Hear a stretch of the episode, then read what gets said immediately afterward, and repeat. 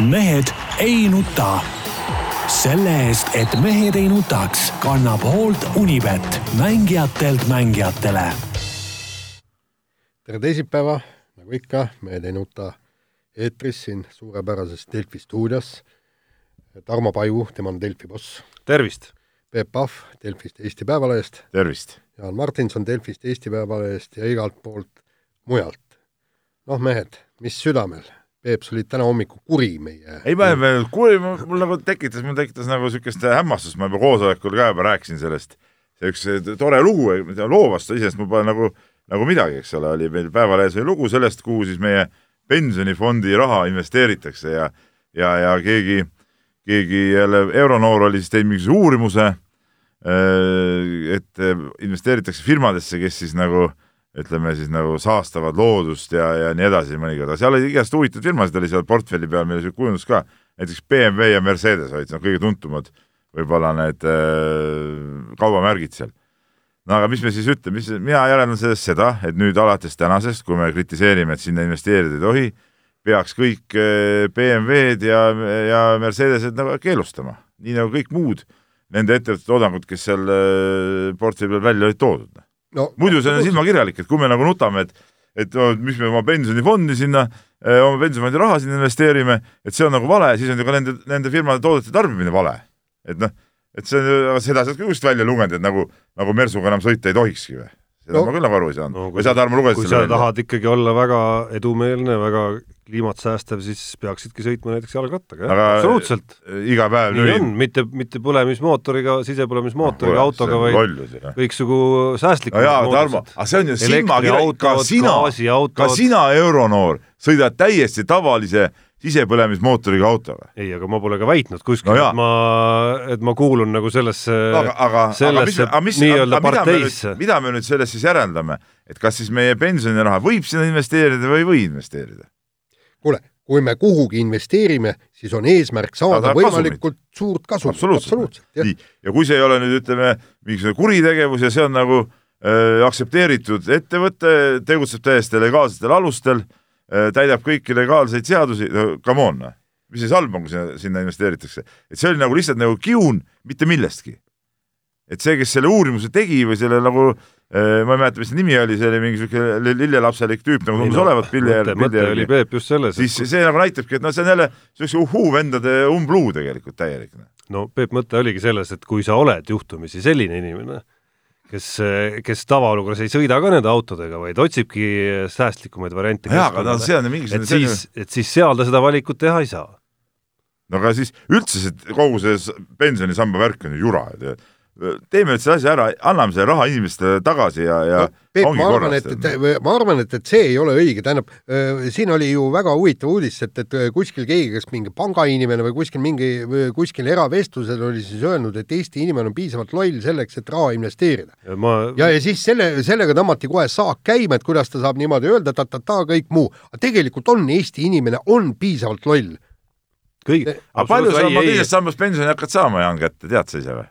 Äh, no ma üldiselt siis, umbes, umbes tean, tähendab, okei okay,, mina olen sellega nõus, et see raha antakse inimestele, siis ma investeeriksin ta veidikene, veidikene paremini, kui ta on seal praegu investeeritud, aga selge on see, et ma seda välja ei võta.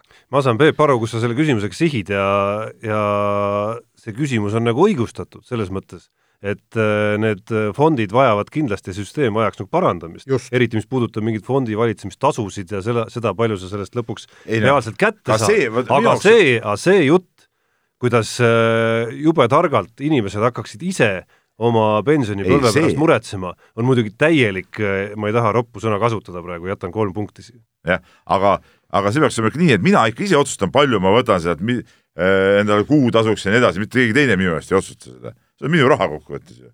kuidas saab keegi teine otsustada, no aga praegu on ju nii, et Jaan, et eh, sina ise ei saa midagi otsustada, palju sa sealt kätte saad. no jaa, aga näe see ja sa kogud see raha, võib-olla kuradi ma ja, ei jõuaks kõike ära kulutada. jaa, aga see ei tähenda, et siis seda... läheb su lastele, siis läheb su lastele, see ju antakse, makstakse sulle lõppkokkuvõttes ikkagi välja, kõik see jääb. see, see nagu ei tähenda minu arust, et seda teist sammas, et see süsteem tuleks kinni panna, nii nagu Isamaa seda teha tahab. noh, ma ei tea, no sellisel kujul mõtet ka nagu ei ole et ma olen aru saanud, ma vaatasin et remontigu, et remontigu neid asju selle asja, selle süsteemi juures, mis on valesti. no aga remontigu see ära, aga sellisel kujul, mina tahan seda, et ma saaks ise otsustada oma raha üle, tead. Noh. et, et ma ise ütlen siis, et aga sa okay, liitusid last... ju vabatahtlikult. no see oli mingiks meeltesegadus, ma isegi ei mäleta, et ma, kus ma üldse liitusin. aga kunagi olen liitunud. aga nooremad inimesed. nooremad küll, aga mina liitusin vabatahtlikult kunagi. keegi pangapreili määris mulle selle pähe ilmselt kuskil pangas olles. ma isegi ei mäleta, millal see juhtus no sinna raha on ikka nagu kogunenud nende aastatega, täitsa normaalselt tead iseenesest. et aga, aga kokkuvõttes, kuidas saab olla nii, et keegi teine otsustab minu raha üle, et, et kui palju ma seda saan sealt välja võtta? ei, ka, see, ka nagu, selles mõttes see on, on nagu absurdsus tegelikult. noh. sellepärast, et näiteks see äh, kolmas sammas seal on väga hea, seal sa saad ise otsustada, kas, kas võtad kogu eh? summa mingisuguse ajahetkel välja või siis äh, lased noh, nagu no sellest teine sammas peaks samamoodi olema. Noh. huvitav on see, et äh, kui saate kõll kõlas yeah. siin alguses, siis ma just vaatasin Peebule otsa ja siin äh, tundus, et äh, ohohoo, mingil, mingil huvitaval kombel Peebul on hea tuju täna isegi. ei, mul on täitsa normaalne tuju, noh. aga näed, ikka hakkas virisema. ei, ma ei virise, ma räägin põhimõttest, noh. et nii on. Noh. nii, nii., kuule, aga kütame spordiga. edasi ja räägime kergejõustikust, alustades äh, Euroopa võistkondlikel meistrivõistlustel Eesti pani kinno teise liiga, kerkis esiliigasse ja äh, ja tegelikult noh, ütleme niimoodi, et, et prognoosid olid, et Eesti võitleb esikoha eest. ja, ja no jutt käis, et, et Sloveeniaga ja kõik nii, aga arvati, et, et, et noh pigem ei võida. pigem ei võida, aga, aga kui, kui nüüd mida, mida ala edasi, see, seda põnevamaks asi muutus ja ütleme nüüd niimoodi, et noh, tulemused olid ju Euroopa, veel vähem maailma mõistes enamasti täitsa kesised, eks. aga täitsa huviga hoidsid selle, seda silma peal ja, ja, ja Eesti pani tegelikult eh, üsna vingelt kogu seda võistlust, kui vaadata, põrujaid praktiliselt ei olnud, okei okay,, eneseületajaid ka väga mitte, aga, aga samas oma töö tehti perfektselt ära. iga, igaüks tegi selle, mis temalt oodati. eks kohati nägi see üritus ka naljakas muidugi välja, peab eh, ütlema, mina, kes ma jälgisin seda pühapäeval üsna palju et, et seal teises liigas ikkagi sattus ka niisuguseid päris huvitavaid protokolle ette, kus olid eh, napilt üle kahekümne meetri visanud odaviskajad näiteks, naiste odaviskes lõpuprotokollis. seal keegi on pandud lihtsalt, et seda ühte punkti kätte saada, on pannud keegi suvaline sinna viskama.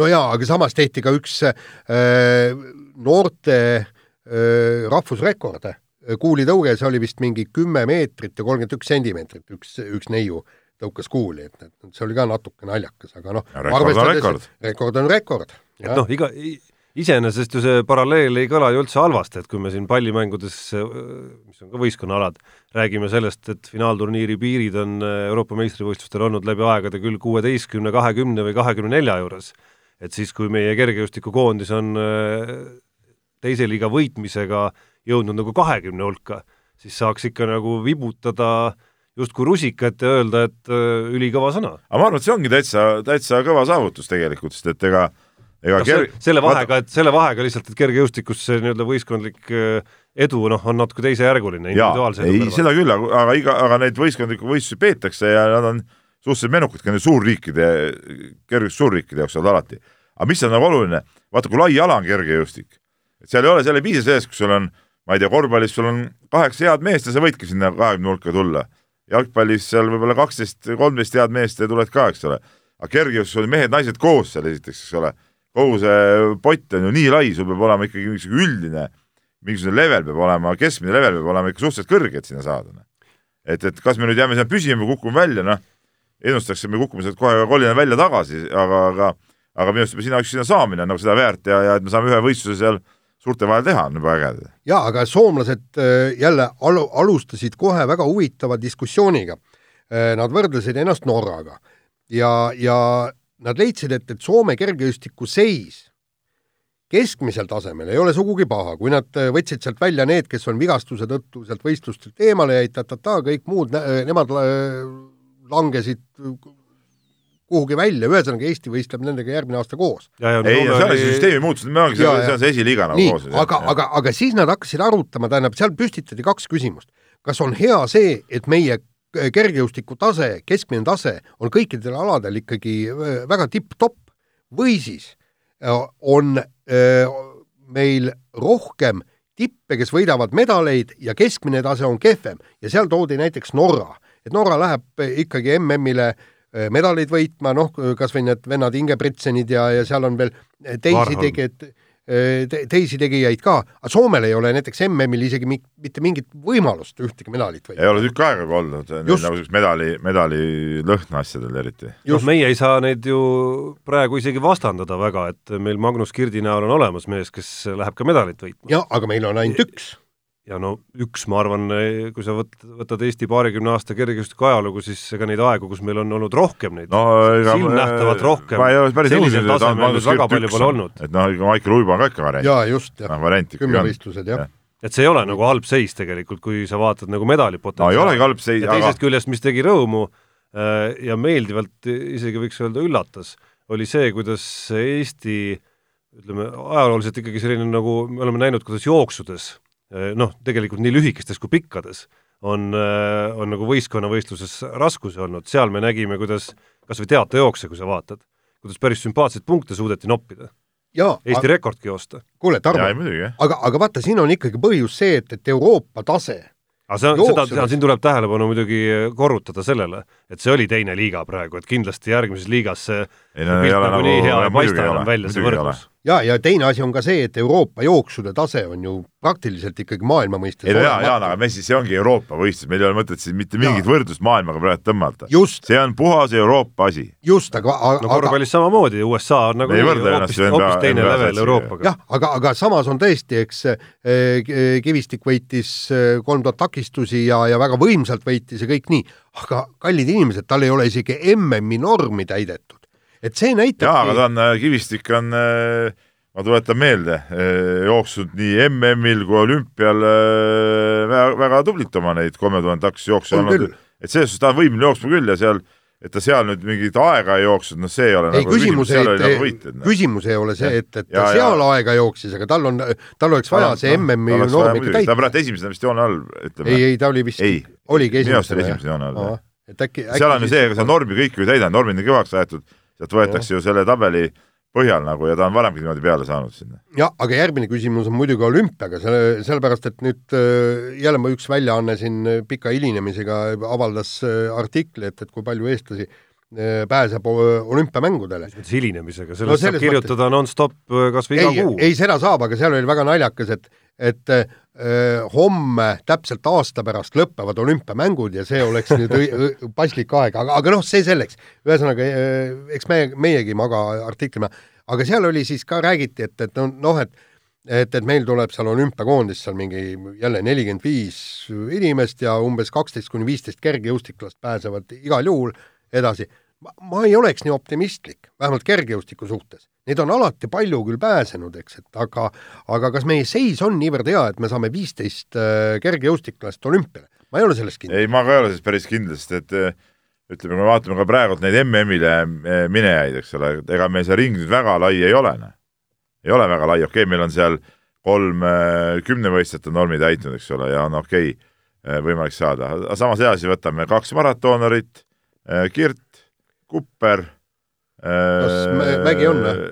meie Mägil on norm täis, eks ole. ja naistest on ainult Liina Laasmäe praegu näiteks. noh, et, et ega siin pole, noh, kümmekond inimest tuleb võib-olla kokku, et, et ega, et viisteist olümpiale saata, see ei ole lihtne ja olümpianormid on, on ka väga kõvad. kõvemad. kõvemadki veel, noh. no okei okay,, seal ikkagi ka seesama see edetabelite ja see punktide mingi süsteem seal, seal toimub ka, aga no sa pead ikkagi olema seal kogu nende süsteemidega seal mingi teatud piiri sees, eks ole, on ta nüüd kakskümmend kaheksa või kolmkümmend või midagi niimoodi.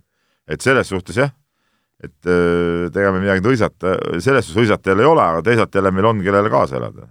no kui me teeme nüüd väikese teemavahetuse, aga mitte väga kaugele, siis Rasmus Mägi nimi käis meil siit vestlusest korra läbi äh, ja Rasmus Mägist on põhjust äh, pisut eraldi ka rääkida, ehk siis temast ütleme, ei ole väga palju kuulda olnud, kuni eelmisel nädalal Peep said temaga natukene rääkida ja, ja selgus, et tal on ikkagi sellel hooajal tervisega olnud päris palju erinevaid probleeme, mis võib-olla jutuainena tekitab selle küsimuse, et et miks ta on, miks ta on tahtnud seda kõike nii varjata üldse?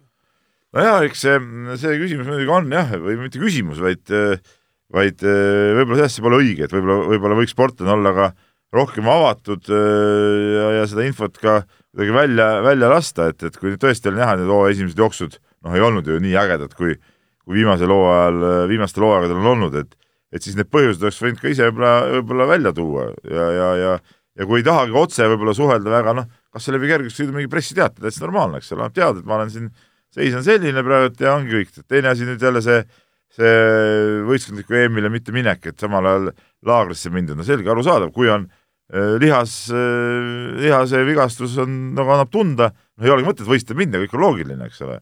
ja, ja, ja laagrisse rahulikult teha, kõik ei ole nagu mingit probleemi aga seda võiks ka nagu lihtsalt ja normaalselt kommunikeerida, ega ongi kõik, ega muud mingit küsimust ju, ju, ju tegelikult ei ole. ja teine asi on see, et, et sportlased peaksid ikkagi aru saama sellest, et, et, ähm, et neil on suur fännkond et Eestis on kindlasti hästi palju kergejõustikusõpru, kes kogu seda ala ja kõike seda äh, jälgivad ja kindlasti nemad tahavad, äh, tahavad teada, et, et mille pärast seal Rasmus Mägil sedavõrd hästi ei lähe, vähemalt aasta algus, noh, sealt edasi läks veelgi asi kehvemaks, et mille taga see on. et, et äh, noh, tõesti, seal oleks vaja anda nagu seda sõnumit ja, ja, ja, ja noh, jällegi nagu paljud sportlased sellest aru ei saa, et, et ajakirjanik on ju ka puhas vahendaja fänni ja sportlase vahel et, et mitte, meie ei tee ju mitte sellepärast, et okei okay,, meie tahame ise ka teada asju, aga, aga see ei ole meie töö, meie töö on vahendada fännidele, sportlastele sõnumit. No, point, kui... point on ju tegelikult selles, et et sportlane, tippsportlane ei spordi ju tegelikult iseenda eest või iseenda nimel, et noh, sellel ei oleks nagu mingit pointi. tippsport on ikka nagu show ja etendus, noh, sa ikkagi ju teed sporti äh, selle nimel, et seal tribüünide peal keegi vaataks ka seda, noh. et, et kui sa võtad sporti niimoodi, et sind nagu ei huvita, kas tribüüni kedagi on, ma jooksen, ma ei tea, sada meetrit pean jooksma kümme-null ja lihtsalt töötan, mind üldse mitte mingi muu asi ei huvita. seal ei ole nagu pointi, seal ei ole spordi mõte ei ole selles. spordi mõte on see, et kaheksa meest on seal joone peal, stardivad, jooksevad ja, ja kaheksakümmend tuhat on seda vaatamas seal, noh pluss veel mingi teleauditoorium, see on nagu spordi mõte ja teine, selleks, et neid huvi on... nagu, et neil fännidel oleks ka huvi selle vastu, siis nad peavad ka piisavalt palju teadma nendest inimestest. no mis on tein... nagu, mis on nagu teine pool nagu ka strateegiliselt, et alles äh, oli see päev või kaks või kolm enne seda, kui ilmus sinu lugu Rasmus Mägiga, kus ta siis ise rääkis lõpuks. ilmus ju ka üsna veider uudis eh, ka meie enda Delfi spordis sellest, kuidas ta oli blokeerinud mingeid eh, meediaväljaandeid eh, sotsiaalmeedias ja teinud mingisuguse postituse, et et need kaks asja nüüd omavahel kokku pannes ja natukene nagu taustainfot kuuldes, siis lõpuks oli see ka ju selle tulemus, et kuna ta ise polnud midagi rääkinud, polnud kättesaadav, siis tekkis mingi ports spekulatsioone ja mingeid nii-öelda küsimusi, mille peale ta põhimõtteliselt pahandas siis. võib nii kokku võtta selle? nojah, seal äh, see pahandamise äh, võib-olla tegelik nagu põhjus oli, oli muu, ma ei hakka seda siin nagu eetris nagu lahkama, et see ei ole nagu võib-olla õige, no seal oli, oli seal teatud, teatud nüansid, et mille peale pahandati, noh jaa, ei see aga noh, nii see, aga nii see üldjuhul toimib ikkagi. No,, kui sa ise ei ole nagu kättesaadav, ise ei vasta ka, ka lihtsamatele küsimustele, siis noh, siis, siis see, siis see asi hakkab nagu teistpidi käima. ja noh, ja lõppude lõpuks peab sportlane ju aru saama ka, et, et kuskohast tema sissetulek tuleb, lõpp, lõppkokkuvõttes ta tulebki publikust, pealtvaatajast, tele no sponsorid tele..., sponsorid maksavad raha ka eelkõige sellepärast. No,, meil oli ju endal äh, Märt Roosna kirjutas alles hiljuti loo maailma kõige enim teenivast kergejõustiklasest, kes isegi oma alal äh, ei ole tegelikult esinumber, noh tõsi, ta on seal tipul muidugi väga lähedal. oma riigis ei olnud esinumber, vaid eh, jäi USA, meistrivõistlusel teiseks. just, just, just, just. Ja, ja eks noh, okei okay,, antud juhul me rääkisime kenast noorest naisterahvast, aga, aga kokkuvõttes taandub see kõik ikkagi sellisele nagu kuidas ma ütlen no,, inglise keeles on sõna appeal, eks ole, noh et, et kuivõrd meeldiv sa oled ja kuivõrd avatud ja kuivõrd inimesed näevad sind ja nii edasi, et sealt, sealt tulevad ka lõpuks sponsorid nii on, aga loodame, et kõik nii-öelda õppisid midagi sellest, et ka Rasmus Mägi ja, ja, ja, ja žurnalistid ja kõik. lugu oli muidugi natuke niisugune koomiline ka. No,. kogu see niisugune olukord, vot, nii. Läheme kiire vahemängu juurde. Ja alustame ralliga ja Ott Tänakuga. eile tuli kuskilt läbi jälle uudis, pigem pressiteade. Või oli uudis või Tont seda teab, eks, ei ikka uudis vist et Ott Tänak on kõikides äh, Eesti olulisemates kihlveokontorites ma täpsustan, need on ju peaeranditult kõik rahvusvahelised kihlveokontorid siis. just, aga et Eesti, Eesti omad ei mõtle neid ise välja, neid koefitsiente? jaa, ei, seda küll, aga ma, ma kaldun arvama, et, et eestlastele pannakse võib-olla natukene teised koefitsiendid ka siin ei, kindlasti ei mitte. ei panda, okei okay., no tont sellega, rahvusvahelised see pannud ei olegi Eestis tehtud, Eesti välja mõeldud või? ei no sõltub kihlveokontorist, aga kui sul on rahvusvaheline kett, millel on ka Eesti haru, siis koefitsiendid on igal pool ühesugused. ühesõnaga. võib-olla mõnda mõtleb välja eestlane, mõnda mõtleb välja rootslane. nii, kihlveokontorid on täies veendumuses, et Ott Tänak tuleb äh, ralli maailmameistriks. ja siin on see, et, et noh, et siin ühel on äh, koefitsient üks koma üks, teisel üks koma kaks, kolmandal üks koma neliteist, et äh, ma, ma ei, ma ei oska selle kohta nagu midagi eriti öelda, see punktivahe ei ole ju nii mäekõrgune. meil on ju veel viis rallit sõita. me oleme näinud, kuidas Ogier on tulnud välja lootusetutest olukordadest.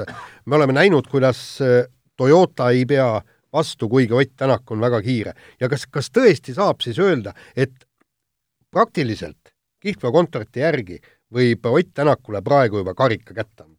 No ütleme, suhtarvuna sealt võib mõõta, sõltuvalt koefitsiendist, ütleme siis selline nagu üks üheksale kuni üks viiele, jah.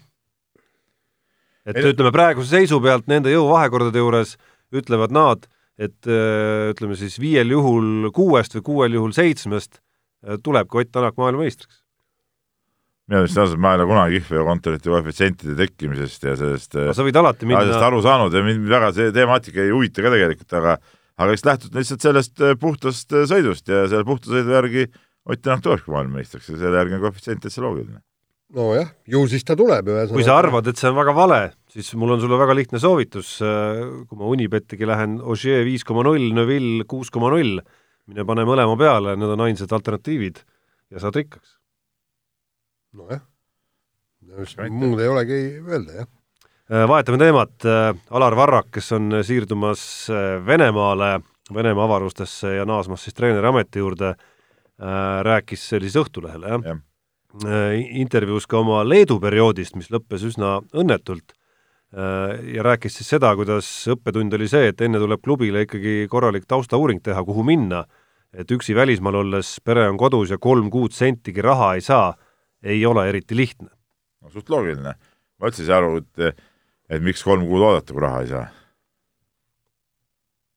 ei maksta no,. aga loodad, et äkki kunagi makstakse? noh, loodad. lootus pidi olema lollide lohutus, kuidas öeldi vanasti.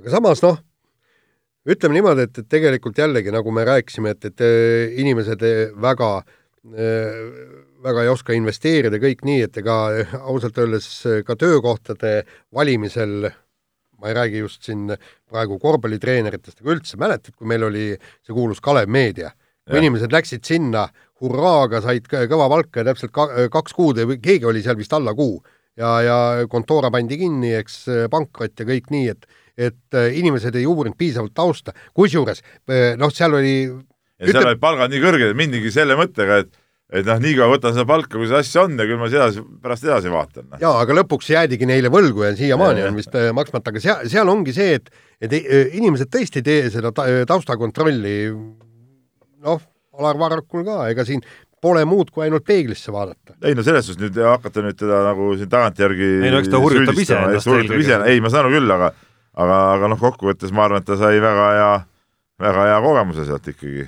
mis siis, et see, ütleme rahaliselt ja emotsionaalselt oli kurnav ja rahaliselt ära ei tasunud, aga tervikuna ma arvan, see käik ikkagi oli talle, talle kui treenerile kindlasti kasulik. aga, aga, aga samas on äh, väike lootus ka selles, et, et äh, nii sportlased, treenerid kui ka tavainimesed äh, saavad siit ka väikse õppetunni, et jätavad selle meelde, et, et kuulge, et ärge rünnake uuele töökohale, enne kui teil suuremad, ega kõik, ega need, ega kõik probleemid alati ei hüüa ka sul tulles selle mingisuguse taustakontrolli peale, kui palju sa iganes seda teha suudad ja kui paljude inimestega suudad, et inimeste kohta sa tihti saad veel mingisuguse aimduse, et, et kes ja millised need inimesed seal on, kellega sa kokku hakkad puutuma, aga aga selle ees, et ma ei tea, tekivad mingid finantsprobleemid või asjad, noh, need võivad ka ootamatult tulla muidugi. aga noh, see kõik on nagu natuke... kuigi vahel, vahel nad hüüavad tulles, ma mäletan kas või Martin Müürsepa karjääris on üks selline valearvestus, mäletad, kui ta läks Moskva Dünamosse? jah, jah, no see oli ka, no ega sa otseselt ka hüüdnud. no ikka seal oli veel nagu mängijaid mingisugune uus, kõik mingi uus uus asi, mida pandi püsti. Sergei kuidagi... Bazarevitš peatreenerina. samas see kõik nägi juba üsna. peatreener, kui ma õieti mäletan. minu arust ta nägi, nägi üsna habraste ah, seda küll, seda küll. aga mis ma tahtsin ütelda, et, et okei okay,, Varrakul jah, see Leedu värk oli nagu oli ja nüüd läheb Venemaale, et noh, et jumal tänatud, meil on üks treener, kes üldse välismaal tööd saab, korvpallitreenerina. ja kes võtab selles suhtes, kes võtab, julgeb võtta neid väljakutseid vastu, vastu, et, et, et see ei ole ju mingisugune, ma ei tea, ma ei tea, Belgia meistriliiga tippklubi Ostende või, või, või noh, mingigi selline asi, et tegemist on Venemaa ikkagi tugevuselt teise liiga klubiga, hoopis teine kultuur, hoopis teine koht, ma arvan, et see ei ole üldse nagu selline, selline koht, millel ütleme, kui sa võtad Alar Varraku tasemel treenerid nüüd Eestis, noh, need võib niisuguse kahe käe näppudel, ma arvan, kokku lugeda, millel igaüks ruttaks jah ütlema. absoluutselt, selles suhtes võtame küll Varraku ees küll aga võib see olla mingisugune mingisugune samm, mis viib mõne järgmise sammuni. aga, aga mehed, tehke mulle selgeks, et mis, mis on siis selle taga, et, et teised treenerid, kas nad ei taha minna või nad ei, ei pääse sinna? väga, Eestis aga, ei ole väga palju pildis ka, selles on ka see häda no.. ja ongi sellepärast, et vaata, miks on nagu lätlasi nagu minu arust palju äh, pildis, et need nii-öelda need endised Läti tippmängijad ega need treenerid, nad on julgelt läinud, vaata, mingi hetk läksid sinna Ukraina klubidesse, mingitesse suvalistesse Vene klubidesse, nad on läinudki julgelt laiali ja sealt, kui sa oled juba kuskil olnud, siis sa oled agentide seal turul nagu noh, nagu rohkem nagu mängus kui ainult oma kodus istudes. ja, ja põhimõtteliselt aga, kui... aga Eesti mehed ei ole julgenud minna ju tihtipeale. ja, ja kui sa ei saa peatreeneriks minna kas või teiseks kas treener... abitreeneriks, absoluutselt. ja, ja, ja tegelikult on see pikk, tee on ju tegelikult väga pikk ja käänuline, võtame, kes see Tallinna Selveri treeneriks tuleb äh,, vist oli itaallane, eks et kui ta oli teine treener, kõik, ta oli Venemaa äh, superliigas, oli ka teine treener ja kõik nii, ja nüüd selleks, et, et peatreeneriks saada, tuleb ta tõesti Eestisse, mis, mis ei ole sugugi nõrk võrkpalliliik, riik, aga ta tuleb viiendasse klubisse, et alustada ja. siis oma peatreeneri karjääri. et siin ei ole tõesti niimoodi, et istud ja ootad, et millal äh, FC Barcelona sulle pakkumise teeb. et see tuleb isegi äh, minna ja, ja põhimõtteliselt teise treenerina alustada ja teha see pikk ring ära. ei muidugi, muidugi, nii aga äh, keerulised seisud on Eesti vehklemises, nagu ikka, ja Eesti vehklemises EP meeskond siis äh, on olukorras, kus äh, nad võivad jääda, jääda EOK toetuseta ja mehed välja öelnud, kui vähemalt C-kategooria toetust ei saa, siis lõpetame selle olümpiale pürgimise ära, et oma vahenditega seda teha pole nagu mõtet ja, ja, ja ei, ei mängi ka välja. mul on muidugi omaette küsimus, et kuidas Eesti EP koondis, kes ikkagi siin viimase Äh, noh, nad on saanud siin mingi kaks medalit viimase viie aasta jooksul umbes, on nii või? jah, äh, ja pluss siis äh, vi viimati sel aastal olid EM-i neljandad. EM-i neljas, et kuidas üldse saab nagu mingi mõte tekkida, et nad ei saa toetust? ei, ei, me, me see C, C-kategooria toetus seda ju määrab ja nagunii see spordimeister tipp, tippspordis ja komisjon, eks ole. just täpselt, jah no,. nagunii nad saavad selle. ei no jaa, nagunii, aga noh. no jumala kindel. viimasel ajal neid erandeid saavad. siiski, kas ei ole otsustatud nii, et sul on mingisugune nagu noh, natuke tugevam ajend siiski või, või argument, et, et mingisugune ma ei tea, noh, nagu Uibo puhul, eks ole, oli siis äh, medal, mis lihtsalt oli valel võistlusel võidetud. ei, ei, need C-kategooriad nüüd ja. uue süsteemi järgi antakse seal muudele tüüpidele ka no,. Peep, kõik, kõik on õige, aga, aga, aga selle C-kategooria toetuse peale ei ole mingisugust, tähendab, mingit kohustust ei ole tippspordikomisjonil määrata, ma loodan, et seal on tõesti ikkagi mõistlikud vennad, aga kui me vaatame individuaalselt neid etteasteid, siis seal on küll niimoodi, et, et siia-sinna, kas, kas, kas sa määrad selle C-toetuse või mitte. ei, seda küll. jutt käib ju praegu võistkonnast. just, aga sa pead tervele võistkonnale, igale mehele tuhat eurot no,. ja, ja, ja ma kardan, et, et kui olümpiale ei pääseta ja kui hakatakse vaatama seda individuaalseid tulemusi ühel hetkel, siis kõik vennad ei pruugi öö, sealt edasi. ei muidugi, siis muidugi, aga praegu käib ju küsimus olümpiale pürgimises selleks perioodiks on suhteliselt loogiline, et tehakse see C-kategooria toetus. No, seda enam, et me räägime tegema... lühikesest perioodist no,. ja, ja peab ja. neljale aasta peale, jah. nii et annaks jumal, aga tegelikult noh, kolmas küsimus on ka siin, et, et kuskil on, kuskil, kuskil on vehklemisliit ka ikkagi. just täpselt. aga see on ju tihtipeale olnud niisugune natuke humooriks asutus. nii, aga võtame järgmise teema ja Bulgaaria jalgpalliklubi Stara Zagora Beroe treener süüdistas Eesti jalgpallikoondise keskkaitjast Nikita Baranovit äh, kahes äh, kaotatud liigamängus ja andis meile valida, kas lased klubist jalga või jätkad duublis, aga palka ei saa.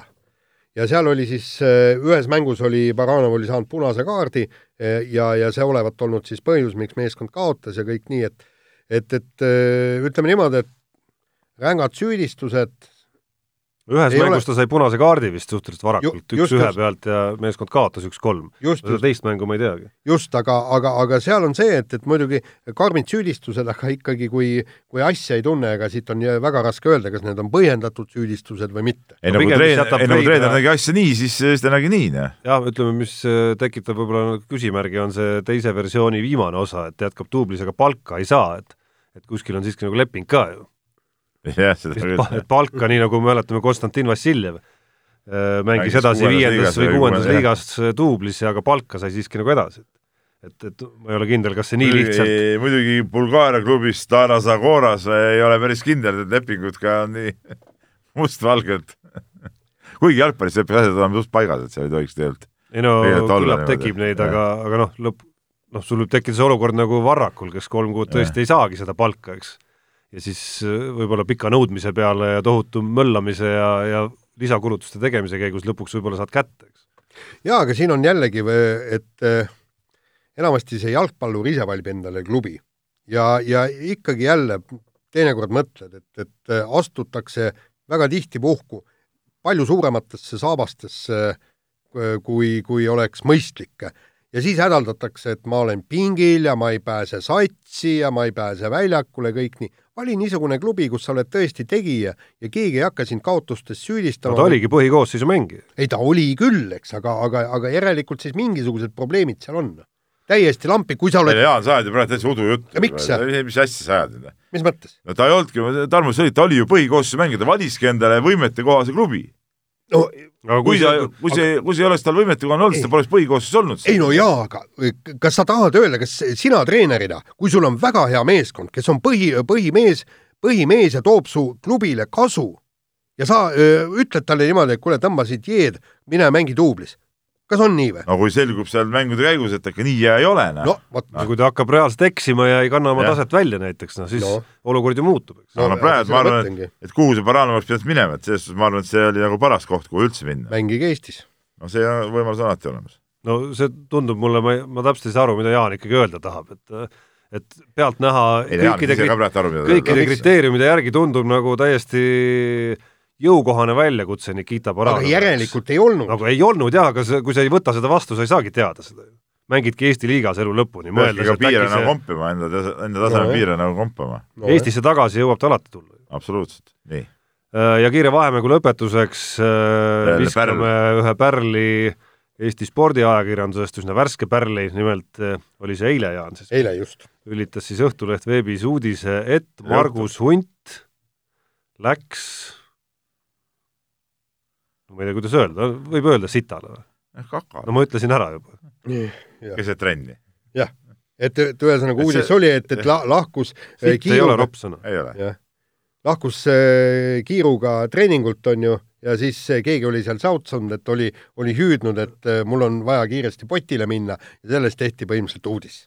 ja, ja online uudis, inimesed kõik, kõik on ehmunud tegelikult. Märt Roosna helistas mulle, noor reporter, eile õhtul oli, kuule, leht tuleb ümber teha. et näed, et, et ma äh, miks ma ei näinud lehest ära seda? Ma oleks huviga lugenud. et Margu, Margus Hunt äh, lahkus sealt treeningut, tegelikult ongi, et, et mis asi, vigastus käeluuga ikka, ei, vennal oli noh, Essule vaja minna. aga no ma ütlen, noh, see jah, no tead, nagu raske on siin kommenteerida seda minu arust, see nagu, see nagu ületab igasuguseid eh, jälle uusi siukseid piire, aga noh, nagu me just enne rääkisime Nikita Baranovi eh, puhul, et tuleb neid piire nagu kombata, et siin nagu Õhtuleht ka üritas võib-olla mingeid teatud piire kombata. Peep, aga vaata, sina oled ju spetsia-, spetsiaalselt käid ju ko- korvpallimängudel, lähed ikka tund aega varem kohale ja siis sa peaksid ka seal vaatama teatud ukse taga ja nii, kui mõni mängija sinna jah, ruumi siseneb, kohe teed online uudisse. jah, ikka.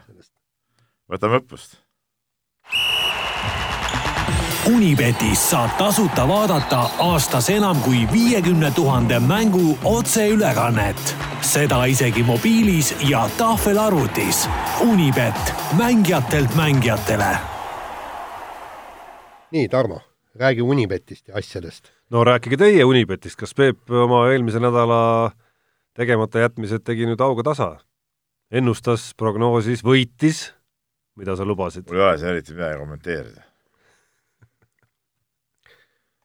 ütleme niimoodi, et, et, et ka mul ei ole, kui, kui, kui peas on aju asemel saepuru, siis siis on väga raske nagu. ja sul on tõesti saepuru, eile ma vaatasin, sattusin vaatama siis Ivar Jurtšenko ägedat dokfilmi Rein Taaramäest ja Tanel Kangertist ja siis seal oli üks koht, sõnaga saepuru tuli see meelde lihtsalt, see oli pärast seda Tanel Kangerti ränka õnnetust. Mäletate, kui sa vastu ja, seda tee keskel olevat liiklusmärki sõitis ja siis Mihkel Mardna juurde vastuvõtule läks ja siis Mardna vaatas seda röntgenit ja vangutas pead, mille peale Kangert küsis, et noh, et puhas saepuru või. siis Mardna vastas, et ei no päris saepuru ei ole, aga noh, nagu ütleme, see laste see hommikusööbi cornflakesi helbed umbes. Aga sul on tõesti saepuru ja ütleme niimoodi, et, et ega mulgi siin midagi, midagi kiita ei ole, ma olen siin pannud panuseid, aga, aga paraku no pagan, kui, no mina ei saa midagi, kui, kui, kui tennisist lihtsalt loobub poole mängu pealt ja jalutab väljakult minema selle asemel. Serena Williams. no oli ka Williams, oli seal veel teisigi ja ütleme niimoodi, et, et peab ette nägema seda. et ei ole jah, eriti hästi läinud, et ühesõnaga, et ma olen omadega miinustes, aga, aga ma loodan tõusta kõigepealt nulli ja siis kõvasse plussi ka. mul on siis läinud väga hästi, nimelt äh, saldo on täpselt sama koha peal, mis eelmisel nädalal ja meil on ka läinud hästi, nimelt on meil Mehed ei nuta eripanus täiesti hetkel Unibetis nähtav, saadav ja panustatav. no mina soovitan. ja see panus on seitse koma null, see peaks Peebule eriti meeldima. mille peale on tasub nagu panna. Peep, ma tean, armastab selliseid koefitsiente ja see seitse koma null tähistab siis äh, kordajat, mis on pandud sellele, et Nõmme Kalju pääseb Euroopa liiga jalgpalli, Euroopa liigas siis jalgpallis eelringist edasi pärast üks-kolm kaotust võõrsil Tudelanši vastu. aga kuule, võõrsil löödi koll ära, üks. mis kodus või kaks lüüa siis? ei, absoluutselt. täitsa loogiline. ja võõrsil lasti küll kolm lüüa, aga miks kodus ei või nulli peal hoida? Peep, paned kogu papi sinna sisse ja no, kõik, mis meil on, praegu on kiiresti maja ja autod ja kõik panti ja läheb. kas, Jaan, teeme äkki väikese minipanuse omavahel, et kas kas Peep paneb selle panuse või ei pane või saepuru siiski ei, ei suuda nagu kinni pidada seda infot, mis ta praegu nagu välja ütleb. vaata, me ei saa seda panust panna, kuna mina saan seda asja mõjutada, ma, ma meelde tuletan. ei, ei, aumeeste värk, no sa ei hakka meelde tuletama ei no võidu nimel ei ole see mingi, mis aumeeste värk ja, Jaan no, vana susserdist on. no kui asjast rääkida, siis, siis äh, oleks üks-kaks, aga üks-kolm muidugi no teeb asja ikka no ei tea, no aga iseenesest no see päris võimatu ka ei ole, noh. Ega see nüüd vastane mingi, mingi imemeeskond ka ei ole tegelikult. no jaa, aga Kalju ei ole ka eriti hea. ei no ei ole küll, aga no samas ma ei tea, mingi võidu nad siin said ju või? said jah, aga see peab ütlema, oligi natukene üllatav. oli nagu, ei no oli küll üllatav. Kalju ei ole ju head hooaega tegemas ei tegelikult, kui vaadata Nõmme Kalju mängu, et et see äge šanss, mis Kaljul tekkis ja hetkel veel elab, tekkis sellisel suvel, kus äh, noh, millest Kaljul on olnud tegelikult nagu mängulises mõttes paremaid suvesid. Aga noh, ärme mata veel maha, Peep nagu näha usub Eesti jalgpalli. jaa. ma olen vana futboolne Abazreeni vaataja ka. see oli kõva saade. see oli kõva saade. kirjad. ja šahmatne Abazreeni oli ka väga hea. vot nii, nii, aga kirjad ja kirju nagu alati palju, võtame siit, ütleme siis väikse valikuga need ja ja Riko kirjutab meile sellise kirja et eh, kui näiteks Jaan eh, rääkis siin ükskord ühes saates, kuidas ta vaatas öösel Anett Kontaveidi mängu ja, ja kindlasti on, ollakse nii ka teisi striime vaadatud, et nii legaalsed kui illegaalsed ja siis küsimus vastavalt on selline, et kui tänapäeval on kõigil võimalus kõike vaadata, siis kas on raskem artikleid ka kirjutada, kuna seda vaatavad paljud, ka päris asjatundjad ja, ja siin noh, näiteks võtame tennis, tennisetreenerid ilmselgelt ei saa olla iga ala ekspertajakirjanik, eks ole, kas siis pärast tuleb palju kirju ja kõnesid ekspertidelt, et mis vahtu sa ajad. ma võin öelda, et noh, Jaan on muidugi iga ala peale ekspert enda arust ja, ja Jaani, ütleme, kõik need artiklite peale eh, tuleb seda vahujuttu küll. nii, aga Jaan vastab nüüd ise ka muidugi ei no mis, ütleme niimoodi, et, et siin rasket ei ole midagi, pigem on muidugi ei, ei, ma mõtlen, et asi ei ole raskem tänu sellele, et tänu ei no vaata, keegi ei näe seda mängu, vaata nii nagu, nagu Põhja-Korea televisioon sai kunagi teha, kuidas nad võitsid Brasiiliat, eks ole. mäletad, see oli, see oli aastaid tagasi, üheksakümnendatel, kui Eesti mängis Islandiga jalgpalli, keegi seda mängu ei näinud, Eesti kaotas viis-null ja siis tähendab, helistasime, küsime, kuidas mäng oli, Eesti kaotas null viis, eks ju. ja kuidas mäng oli ja siis tähendab, sealt tuli niisugune jutt, et Eesti ainult ründas, vastased praktiliselt üle poole ei saanud.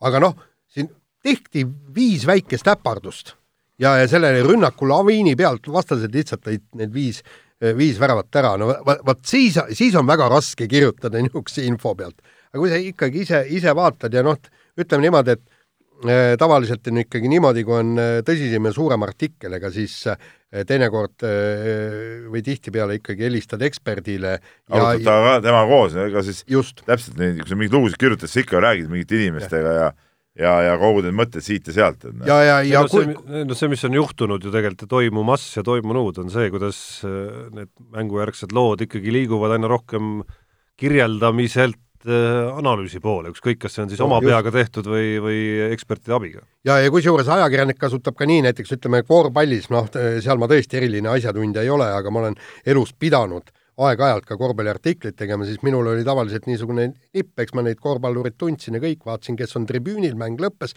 läksin juurde, kuule, mis sellest mängust arvad, et mis seal oli, et, et miks meie omad kaotasid, no vot, näed, seal oli see, teine, kolmas, neljas. üleüldse oli rohi vanasti roheline. ei, ei, ei, ei mitte see, mitte seepärast. nii need ongi tulnud siis ühesõnaga. ei, ega need ei pidanud olema vanemad, need olid ka noh, nooremad mängijad, aga sealt ma sain äh, infot, mida küsida pärast mängu treenerite ja mängijate käest. kui seal ikka öeldi, näed, et, et selle venna katmisega seal äh, pick and rollis ei saanud hakkama või midagi niisugust, siis läksid ja küsisid seda, vähemalt said, äh, said nii paljugi teada.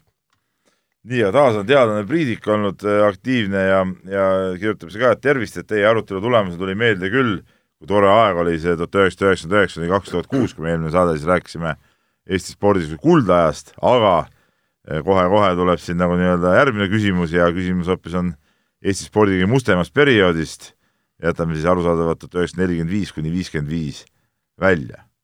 no ma saan eelkõige rääkida ajast, mis, mille ajal ma olen teadlikult sporti jälginud ja olgem ausad, et see taasiseseisvumisjärgne need esimesed aastad olid ikka üsna rasked tegelikult. Nad olid väga rasked, kui Eesti parim meessportlane Indrek Sei lühiraja EM-i äh, pronksmedaliga. noh, pluss ma võtsin lahti siin ka aasta hiljem, see oli üheksakümmend kolm, üheksakümmend neli, siis oli Ago Markvart äh, ja naistest oli see viie... Margrit Tooman äh, MM-i viienda koha eest moodsas viievõistluses. et ja, ja, ja tol ajal ei olnud ka kogus, ütleme, meil ei olnud siis nagu olümpiaalade medaleid kuskilt ette näidata ja meil ei olnud ka, ütleme, seda poolt spordist, mis hiljem tekkis, eks ole, olgu need mingid pallimängijad kuskil tippklubides või äh, või, või mingid Ott Tänaku või Marko Märtini sugused tegijad mingitel sellistel aladel, kus äh, tiitlivõistlused ei olegi kõige tähtsamad. aga see oli selles suhtes ka huvitav aeg, et ja no üldse et... oli väga, ja olgem ausad, kui sa tolle aja meenutusi loed, väga, üldse oli väga raske tegelikult kogu see tippspordi püsti hoidmine. jah, aga see oli selles suhtes ka huvitav aeg, et tegelikult Tiit, Tiit Sokk, tõsi, mingi erandiga muidugi jah ja,, et tõsi, korvpallis oli see põlvkond, eks ole, olemas ja üheksakümne kolmanda aasta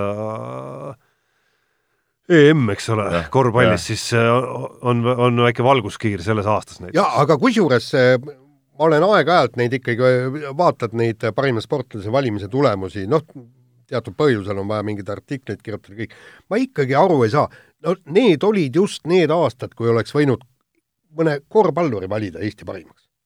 Neil aastatel meil oli ju üheksakümmend kolm ja üheksakümmend neli, noh. no parim võistkond oligi korvpallikoondis. ei, võistkond küll, aga personaalne öö, tiitel no sa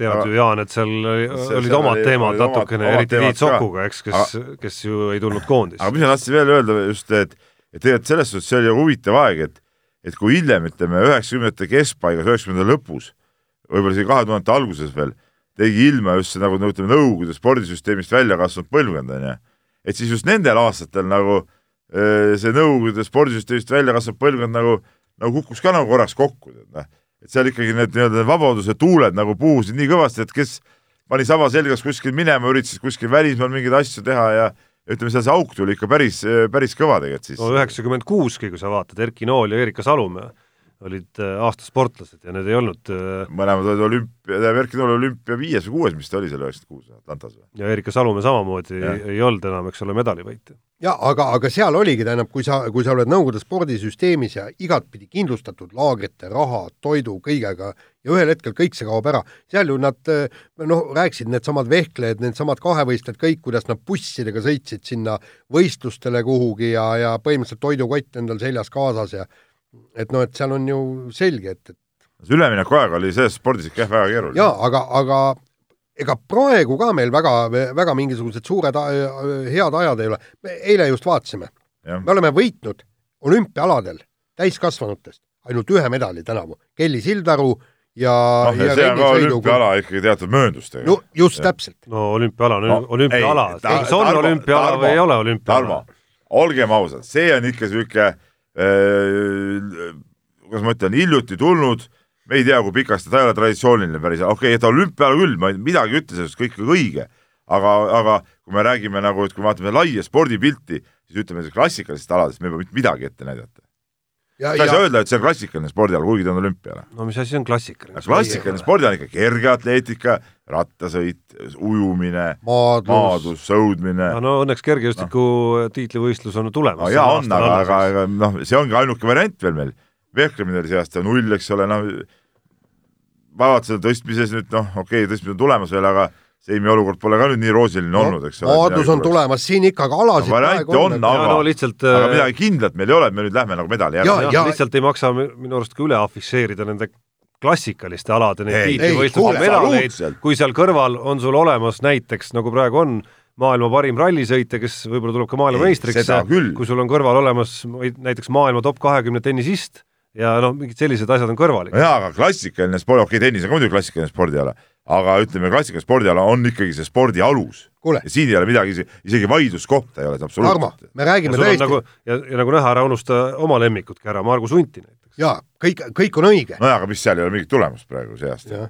nii, aga, aga ma äh, räägin see, et, et äh, tennis, klassikaline spordiala, kõik on tore, aga me räägime kahekümnendast kohast, me räägime inimesest, kes ei võida muud kui mänge, ta ei võida turniiri.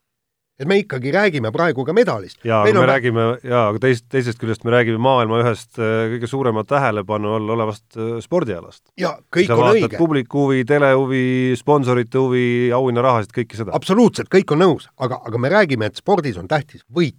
ainult üks asi, mille nimel üldse sporti tehakse no,. nagu sa just ütlesid, ta võidab matše päris tihti. matše, aga mitte turniire, noh. just. see, see oli praegu jälle mingi demagoogia kõrgklass sinu poolt, tead, noh. Et ühesõnaga, et, et praegu ei ole Eesti spordil eh, eriti head ajad. nii, aga meil on mitu kirja tegelikult Ott Tänaku ja tema tiimiga seoses, aga meil on see viimase osas ka, et ma toon sealt mõned arvamused mängu, et lähme praegu muude asjadega edasi, sest kell, paganas, on ka liikunud jälle edasi. nii äh,, räägime kas nüüd, see Rubinniku mees keerab meil siin kella edasi meelega, ma ei tea kuidagi, kahtlane mees. nii räägime jalgrattaspordist ja ütleme niimoodi, et mitmel klassikalisel alal me oleme ikkagi vähemalt noorte ja, ja juunioride ja U kakskümmend kolm medaleid võitnud, noh kas või kergejõustikus on ju meil neid medaleid olemas, maadluses on medaleid olemas. Ja nüüd tuli jalgrattasõidus ka U kakskümmend kolm pronks öö, ja võitis selle Rait Tärm, grupi finiš siis kenasti kolmas. Ja, ja siin ka nii-öelda teiste ajakirjanikega natuke juttu puhudes täiesti tundmatu mees. tõesti, no ei tea tema saavutust, okei okay,, ta on siin üht-teist ka E- Eesti tasemel võitnud, rahvusvahelisel noh, päris hästi sõitnud ja kõik nii. ja selgus, et ta on tõesti neli aastat tagasi jalgrattaspordiga alustanud äh,. helistasin ise, küsisin, kaua sa teinud oled, kolm-neli aastat tõsiselt. ja, ja küsisin, et äh, Rene Mandri käest, Eesti koondise peatreeneri käest, et kuule, et jõu, et mis värk on, et et kas vend äkki alustas liiga hilja jalgrattasõiduga ja Andre ütles, et vastupidi, alustas õigel ajal. probleem on selles, et Eesti spordis ja see on kogu Eesti spordi probleem, on meil liiga varane spetsialiseerumine. ja vot see on nüüd see küsimus. sellega ma olen täitsa Jaaniga nõus. sellepärast me ja. räägime kas või need korvpallurid, kõik Ja, räägivad, et eks meil on lasteaiast peale juba vaja, mis, kangur, siis see Metstak, kes alustasid kuueteistaastaselt. see hakkab, aga see on Eesti spordisüsteemi häda ju noh, sa ei saa pärast, et kuskilt enam kätte neid ja sa ei saa oma klubi püsti hoida lihtsalt, kui sul ei ole lapsi, sellepärast see kogu see võitlus ju käibki noh, ja, ja, ja nii paraku on. ja jälle me tuleme ringiga sinna juurde tagasi, et, et me peame selle kuradi oma pearaha jama ükskord äh, ära lõpetama, et pearaha peab käima ikkagi, ikkagi kuida-, kuidagi niimoodi, et, et lapsel on võimalus käia, punkt üks, mitmes trennis, eks, kus, kus mul endal ju lapselaps, ta, ta ei teadnud, kas ta tahab ujuda või ta tahab iluvõimlemisega tegeleda. Aga ühest kohast ta ainult maksti pearaha, teine trenn tuli siis täie rauaga endal kinni maksta, eks. Ja, ja, ja see on jama, no kuulge, kui, kui teil on niisugune rüblik, kes on valmis tegema kaks trenni, kahe, kahe ala trenne nädalas, noh, miks mitte. ei muidugi, see ongi tegelikult jama.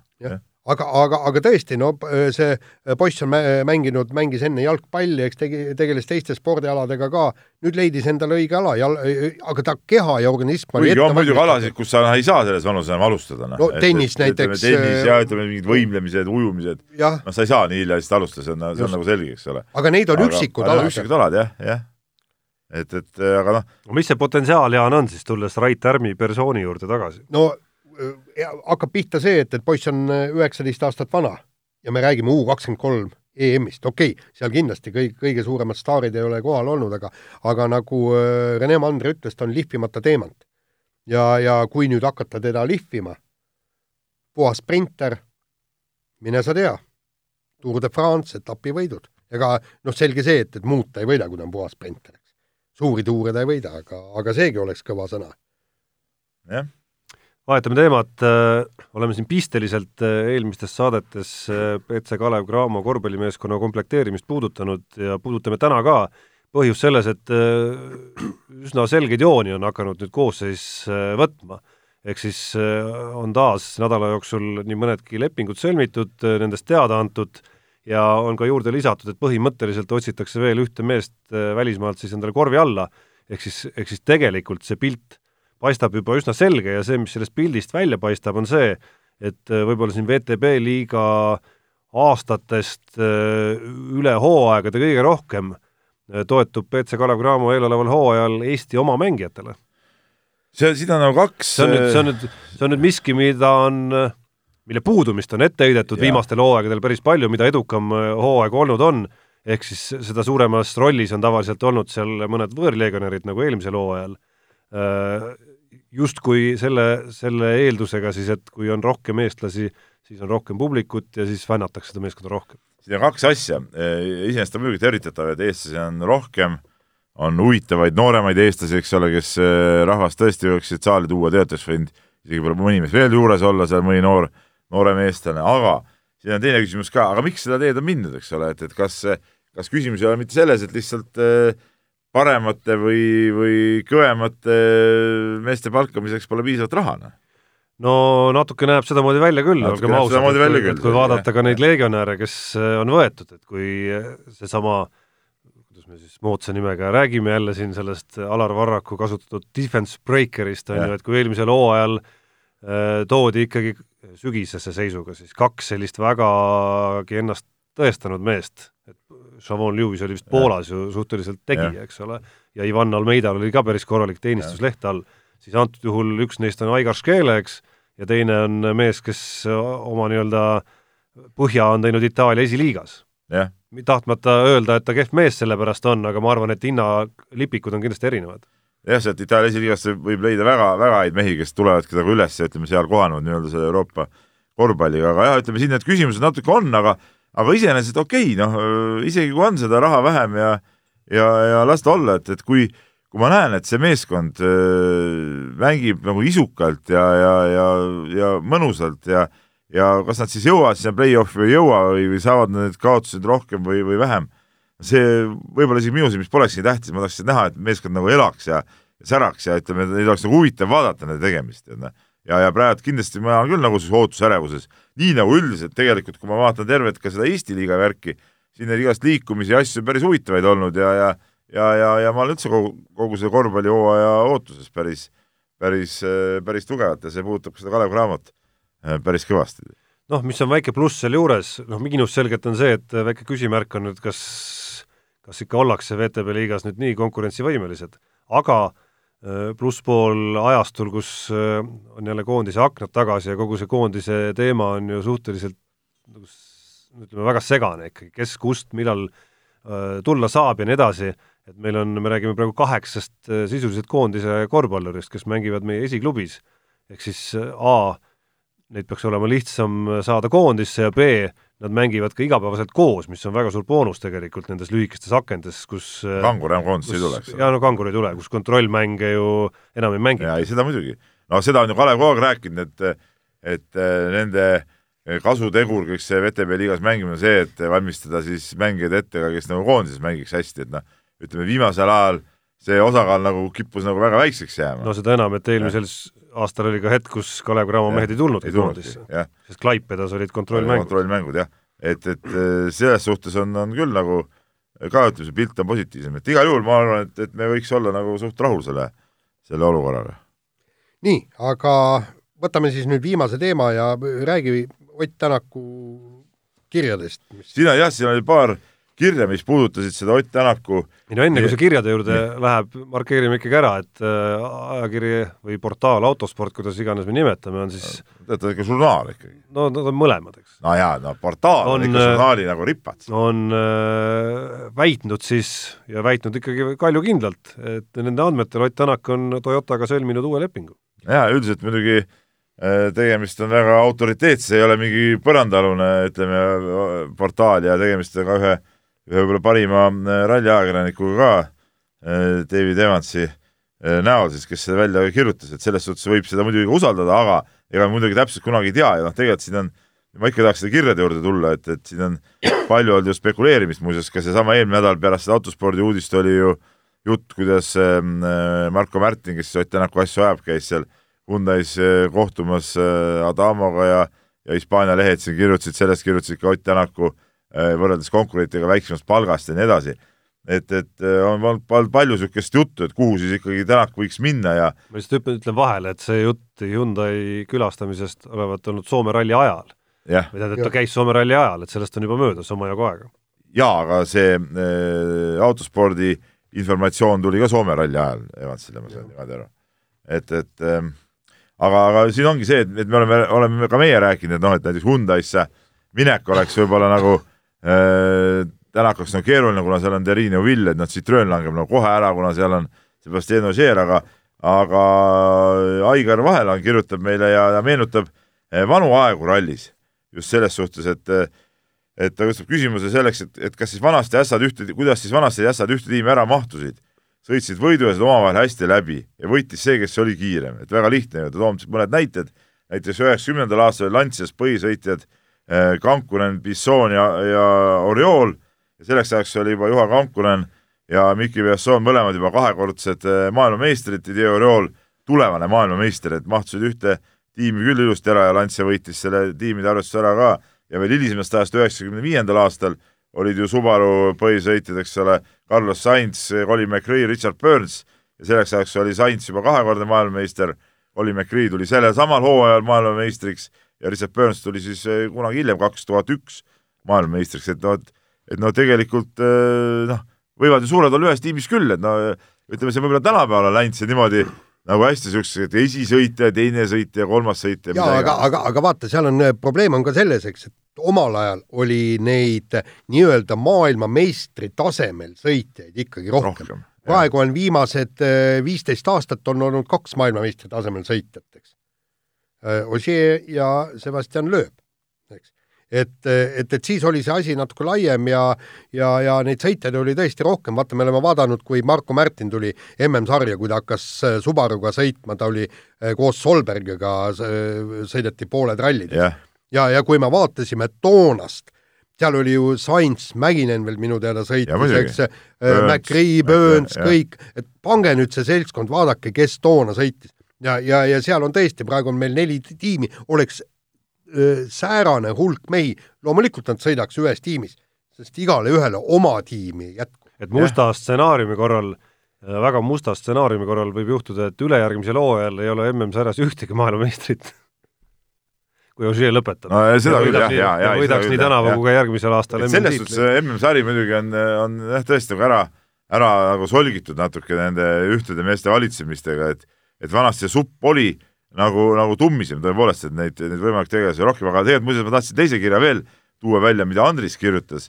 Ja noh, siin on nagu mindud päris niisuguse, ütleme juba, juba, juba peenete teooriate juurde ja toodud välja siis, et et Toyota on, eks ole, Jaapani autotootja, Hyundai eh, Korea autotootja ja teadupärast siis on need kaks riiki viimasel ajal väga tihedas sõnasõjas Teise maailmasõja äh, pärast, eks ole, kui seal Jaapani sõdurid väidetavalt vägistasid Korea naisi ja nii edasi ja, ja on, äh, mõlemad on valmis majandussõda alustama teineteise vastu ja siis toob siin välja, et, et kuna teema on päevakorral just viimasel ajal ja äkki ja Hyundai on tõesti teinud Tänaku eest ulmelise paksu, pakkumise, et kas ei või siis nii olla, et seal on nii-öelda poliitiline tellimus, et naabrile kätte maksta. no ma nüüd ei usu, et Tänaku palkamisega nüüd hakatakse siin riikidevahelist mingit sõda pidama ja, ja poliitilisi tellimusi äh, tegema, aga no iseenesest väga huvitav nagu teemakäsitlus muidugi. Peep, kui oleks, jutt käiks mitte Korea ja Jaapani vahel, vaid Nõuliidu ja Ameerika vahel oma, omaaegselt siis ei oleks kahtlustki siis ei oleks kahtlustki. nii et, et tegelikult ega me ei tea, kui, kui sügavalt ja, siin see asi ja. Äh, on.